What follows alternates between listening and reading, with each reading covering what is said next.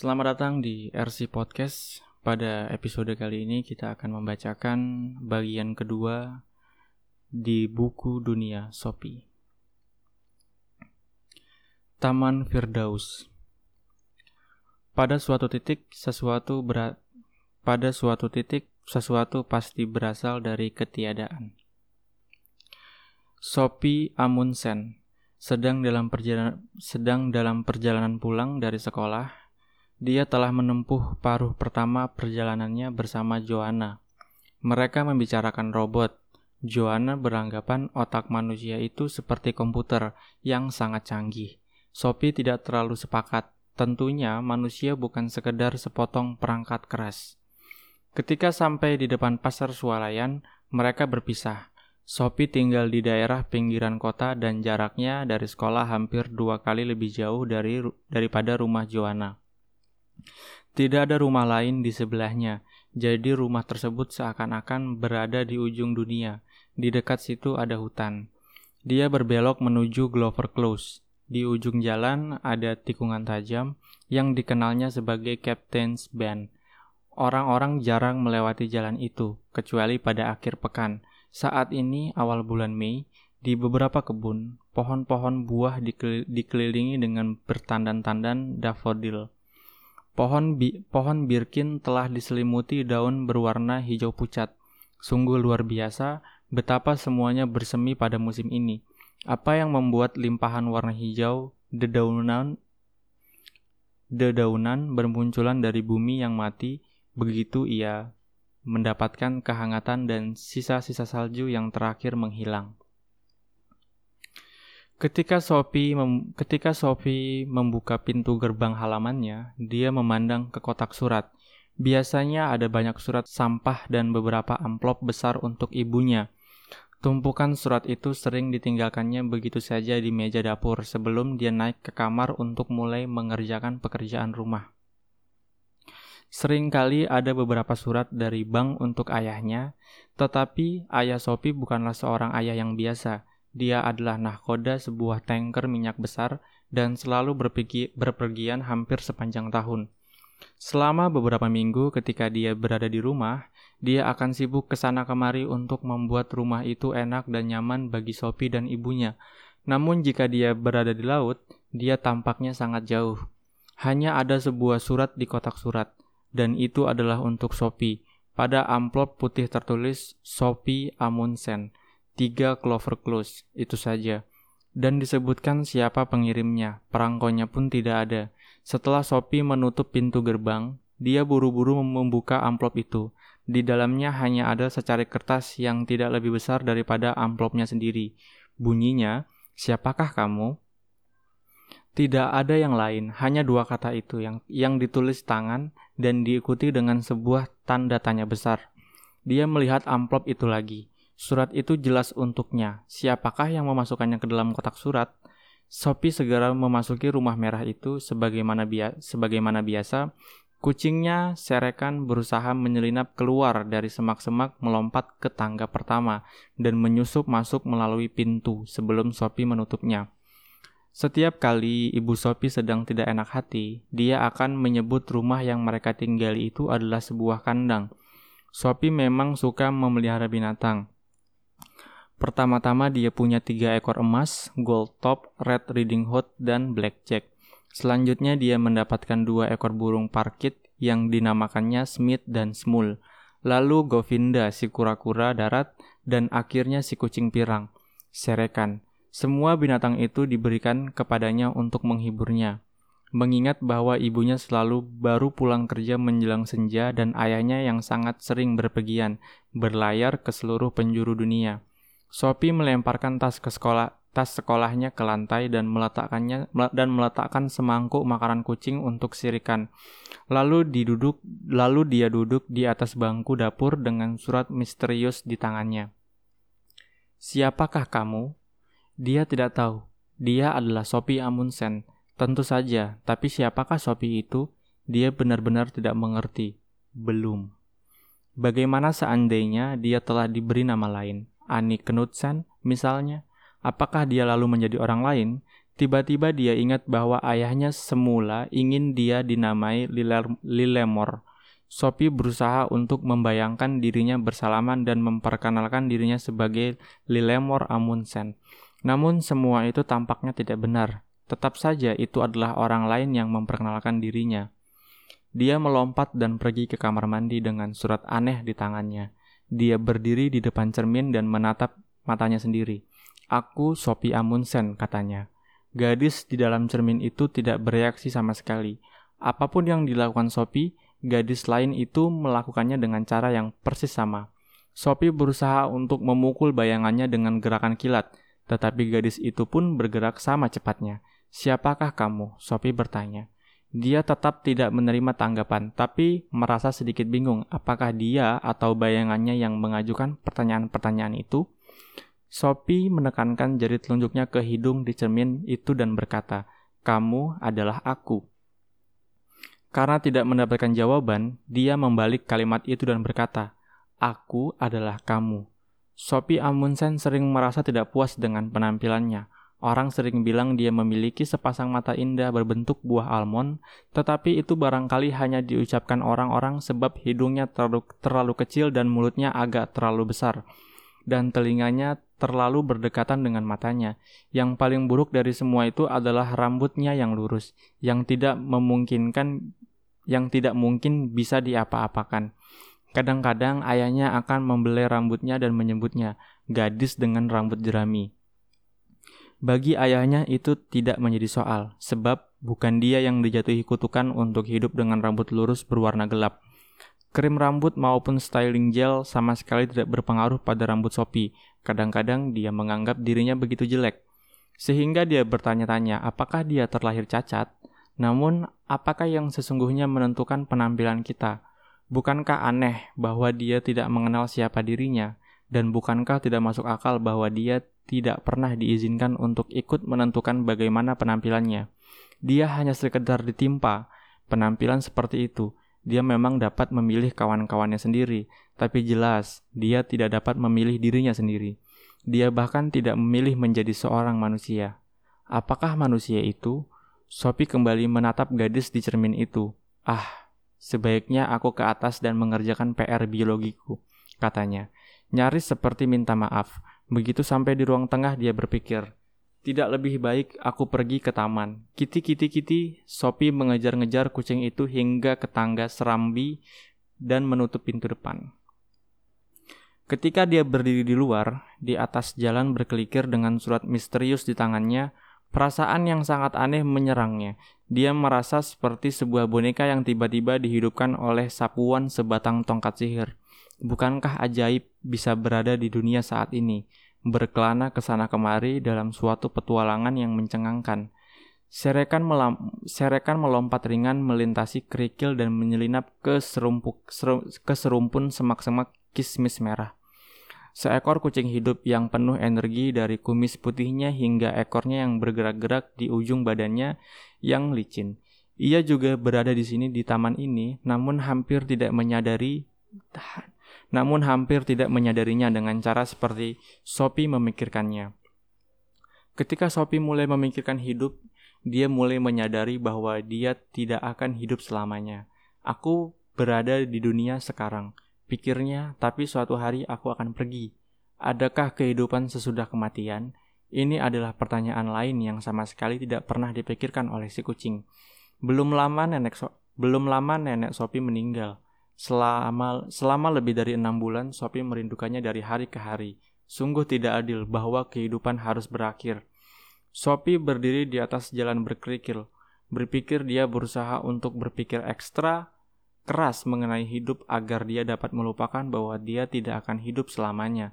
Tapi itu mustahil. Begitu dia berkonsentrasi pada kehidupannya sekarang, pikiran tentang kematian pun masuki pikiran tentang kematian pun memasuki benaknya.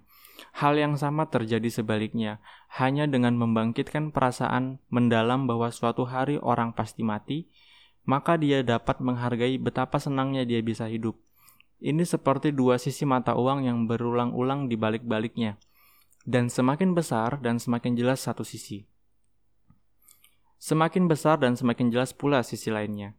kamu tidak akan dapat merasakan hidup tanpa menyadari bahwa kamu nantinya harus mati, pikirnya. Namun, sama mustahilnya bagi kita untuk menyadari bahwa kita harus mati tanpa memikirkan betapa menakjubkannya hidup itu. Sophie ingat, nenek mengatakan sesuatu semacam itu pada hari ketika dokter menyatakan dirinya sakit.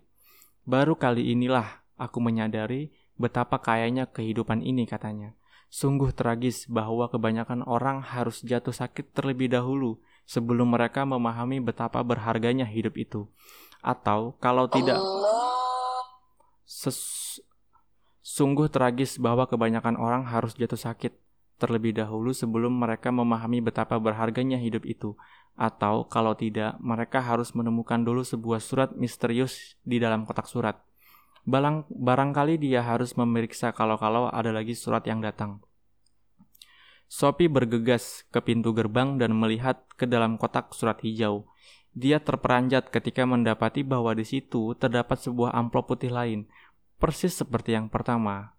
Tapi kotak surat itu jelas-jelas sudah kosong ketika dia mengambil amplop pertama. Amplop ini bertuliskan namanya pula. Dia menyobeknya hingga terbuka dan meraih selembar catatan yang ukurannya sebesar yang pertama. Dari mana datangnya dunia? Dikatakan di situ. Aku tidak tahu, pikir Sophie. Tentunya tidak ada orang yang benar-benar tahu. Bagaimanapun, Sophie menganggap itu sebuah pertanyaan yang wajar. Untuk pertama kali yang untuk pertama kali dalam hidupnya, dia merasa tidak pantas hidup di dunia tanpa setidak-tidaknya mempertanyakan dari mana ia berasal. Surat-surat misterius itu telah membuat kepala Sophie pusing. Dia memutuskan untuk pergi menyendiri di sarang di sarangnya. Sarang itu adalah tempat persembunyiannya Sophie yang paling rahasia. Ke situlah dia pergi jika dia merasa sangat marah, sangat sedih, atau sangat bahagia. Hari ini dia hanya bingung. Rumah merah itu dikelilingi oleh sebuah taman luas dengan banyak peta, dengan banyak petak bunga, semak-semak, pohon berbagai jenis buah, halaman berumput dengan sebuah peluncur dan pavilion kecil yang dibangun kakek ketika nenek kehilangan anak pertama mereka beberapa minggu setelah anak tersebut dilahirkan. Nama anak itu Mary.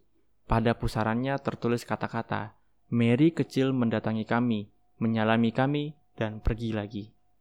Jauh di sebuah sudut taman di balik semak-semak buah frambus, ada ada belukar lebat di mana bunga atau buah beri tidak mau tumbuh. Sesungguhnya itu adalah sebuah pagar tanaman yang menjadi batas dengan hutan. Tapi karena tidak ada orang yang memangkasnya selama 20 tahun terakhir ini, ia berubah menjadi semak kacau dan tak tertembus. Nenek sering berkata bahwa pagar itu menyulitkan kawanan rubah untuk mencuri ayam pada masa perang. Ketika ayam-ayam itu dilepas leluasa di dalam taman, bagi semua orang kecuali Sophie, pagar tanaman kuno itu sama, sama tak bergunanya dengan kandang kelinci di ujung lain taman itu. Namun, itu hanya karena mereka belum menemukan rahasia Sophie. Sophie telah menemukan lubang kecil di pagar itu pagar itu sejak dia bisa mengingat. Ketika merayap ke sana, dia memasuki sebuah rongga di atas di antara semak-semak. Rongga itu seperti sebuah rumah mungil. Dia tak tahu seorang pun dapat dia tahu dia tahu tak seorang pun dapat menemukannya di sana. Dengan menggenggam kedua amplop di tangan, di tangan, Sophie berlari melintasi taman merangkak dengan kedua kaki dan tangannya, serta membuka jalan menembus pagar tanaman itu. Sarang ini tingginya hampir sama dengan tinggi tubuhnya saat berdiri tegak, tapi hari ini dia duduk di atas serumpun ak akar yang bertonjolan. Dari sana dia melihat keluar melalui lubang pengintip kecil di sela-sela ranting dan dedaunan, Meski tak satu lubang pun yang lebih besar dari sebuah koin kecil, dia dapat menyapukan pandangannya ke seluruh taman. Ketika masih kecil, dia suka berpikir, sungguh menyenangkan memamerkan mem, memerhatikan ibu dan ayahnya mencari-carinya di atas di antara pepohonan di situ. Sophie selalu menganggap taman itu sudah merupakan dunianya tersendiri. Setiap kali mendengar tentang Taman Firdaus yang diceritakan oleh dalam Bible, dia seperti diingatkan untuk tidak di sini di dalam sangarnya. Dia seperti diingatkan untuk duduk di sini di dalam sarangnya, mengawasi surga kecilnya sendiri. Dari mana datangnya dunia? Dia tidak mempunyai gagasan sekilas pun. Sophie tahu bahwa dunia itu hanyalah sebuah planet kecil di angkasa. Namun, dari mana asalnya angkasa? Mungkin saja angkasa itu selalu ada. Karena itu dia tidak perlu mencari tahu dari mana ia berasal. Tapi mungkinkah sesuatu itu selalu ada? Jauh di lubuk hatinya, dia memprotes gagasan tersebut. Tentunya segala sesuatu yang ada itu ada permulaannya. Jadi, angkasa pasti telah diciptakan dari sesuatu yang lain. Akan tetapi, jika angkasa berasal dari sesuatu yang lain, sesuatu yang lain itu juga beras, pasti berasal dari sesuatu yang lain pula. Sophie merasa dia hanya menyeret-nyeret permasalahan. Pada satu titik, sesuatu berasal dari ketiadaan. Namun, apakah itu mungkin? Bukankah itu sama mustahilnya dengan gagasan bahwa dunia selalu ada? Mereka telah belajar di sekolah bahwa Tuhan menciptakan dunia, Sophie berusaha untuk menghiburnya dengan pemikiran bahwa ini barangkali pemecah terbaik untuk seluruh masalah itu. Tapi dia lalu mulai berpikir lagi. Dia dapat menerima bahwa Tuhan telah menciptakan angkasa, tapi bagaimana dengan Tuhannya sendiri? Apakah dia menciptakan dirinya sendiri dari ketiadaan? Lagi-lagi ada sesuatu jauh di lubuk hatinya yang memprotes. Meskipun Tuhan dapat menciptakan segala macam benda, tidak mungkin dia dapat menciptakan dirinya sendiri sebelum dia mem mempunyai diri. Maka hanya tinggal satu kemungkinan, Tuhan selalu ada. Tapi dia telah menolak kemungkinan itu. Segala sesuatu yang ada harus ada persoalannya. Segala sesuatu yang ada harus ada permulaannya. Oh, persetan. Dia membuka kedua amplop itu lagi. Siapakah kamu? Dari mana datangnya dunia? Pertanyaan-pertanyaan yang sungguh menjengkelkan dan ngomong-ngomong, dari mana datangnya surat-surat itu? Itu juga sama misteriusnya. Nyaris, siapa yang telah menyentakkan Sophie keluar dari keberadaannya sehari-hari dengan tiba-tiba membawanya berhadapan dengan teka-teki besar tentang alam raya. Untuk ketiga kalinya, Sophie memeriksa kotak surat. Pak Pos baru saja mengantarkan kiriman hari itu. Sophie mengaduk setumpuk surat sampah, terbitan berkala, dan dua surat untuk ibunya. Juga ada sebuah kartu pos bergambar pantai tropis. Dia membalik kartu itu, di situ tertempel sebuah perangko Norwegia dan diberi cap pos, batalion PBB. Mungkinkah itu dari ayah? Tapi bukankah dia berada di suatu tempat yang sama sekali lain? Itu juga bukan tulisan tangannya. Sophie merasakan detak jantungnya sedikit bertambah cepat ketika dia melihat kepada siapa kartu pos itu dialamatkan. Hitler, Hitler, Hilde Moller, Hilde Molder Knecht. D. Strip A. Sophie Amundsen 3. Clover Close. Sisa alamat itu benar adanya. Kartu itu berbunyi, Hidel sayang, selamat ulang tahun ke-15. Karena aku yakin kamu akan mengerti. Aku ingin memberimu sebuah hadiah yang dapat membantumu berkembang. Maafkan aku telah mengirimkan kartu ini ke alamat Shopee itu adalah cara yang paling mudah. Salam. Salam sayang dari ayah. Sophie lari kembali ke rumah dan masuk ke dapur, pikirannya kacau. Siapakah Hilde? Ini yang berulang tahun. In, siapakah Hilde ini yang berulang tahun tepat sebulan tepat sebulan sebelum ulang tahunnya sendiri? Sophie mengambil buku telepon. Ada banyak orang yang bernama Moller dan hanya sedikit yang bernama Knecht tapi tak satu pun dalam buku petunjuk itu yang bernama Moller Knack. Dia mengamati kartu misterius itu lagi. Tampaknya itu asli juga. Di situ seorang di situ terdapat perangko dan cap pos. Mengapa seorang ayah mengirimkan sebuah kartu ulang tahun ke alamat Shopee, sedangkan sudah jelas sekali bahwa kartu kartu tersebut ditujukan ke tempat lain? Ayah macam apa yang yang mau memperdaya putrinya sendiri lewat sebuah kartu ulang tahun yang dengan sengaja dikirimkan ke sembarang alamat. Bagaimana mungkin itu merupakan ke sembarang alamat? Bagaimana mungkin itu merupakan jalan termudah? Dan selain itu, bagaimana dia dapat melacak si Hilde ini? Kini Sophie punya tambahan masalah yang mengganggu. Dia berusaha untuk meluruskan pikirannya. Siang ini, dalam waktu hanya dua jam, dia telah dihadapkan dengan tiga masalah. Masalah pertama adalah siapa yang telah meletakkan dua amplop putih di kotak suratnya.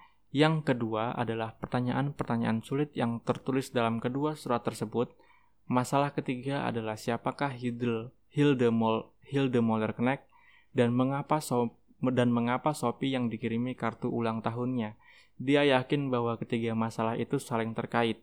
Pasti begitu, sebab sejauh ini hidup yang dijalaninya sungguh biasa-biasa saja. Kita akan bertemu kembali di bagian 3 untuk buku Dunia, Sop, Dunia Sophie. Terima kasih telah mendengarkan RC Podcast.